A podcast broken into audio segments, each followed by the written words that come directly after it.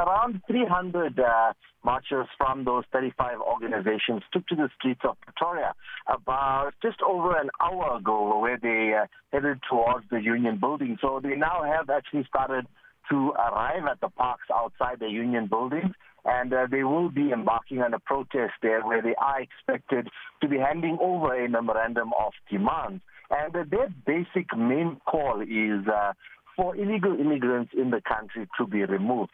They are saying that, you know, uh, uh, they attribute uh, uh, quite a number or, or the majority of the crime in the country to illegal immigrants in, uh, in South Africa. And also they say that uh, undocumented foreign nationals are taking up South African jobs and uh, this is resulting in a higher unemployment rate for South Africans.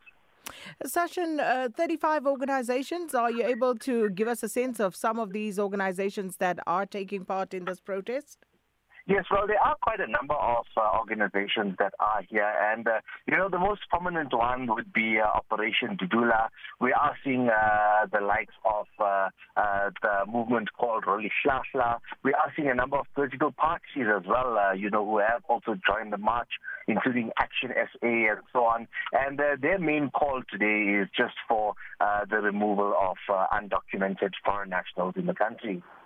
And as from the government side, is there any indication that someone will be receiving their memorandum, uh, or is this just an um, informal protest on the lawns of the union buildings?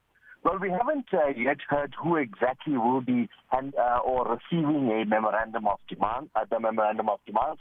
But uh, most of the organizations here are actually hoping for the president himself, uh, you know, to actually receive this memorandum of demands because they are calling, you know, on him directly in uh, many instances uh, for him to actually put a urgent plan in place, you know, for uh, law enforcement agencies to actually deal with uh, these illegal immigrants. So we will wait and see who exactly does come out to receive it, uh, if not, if anyone.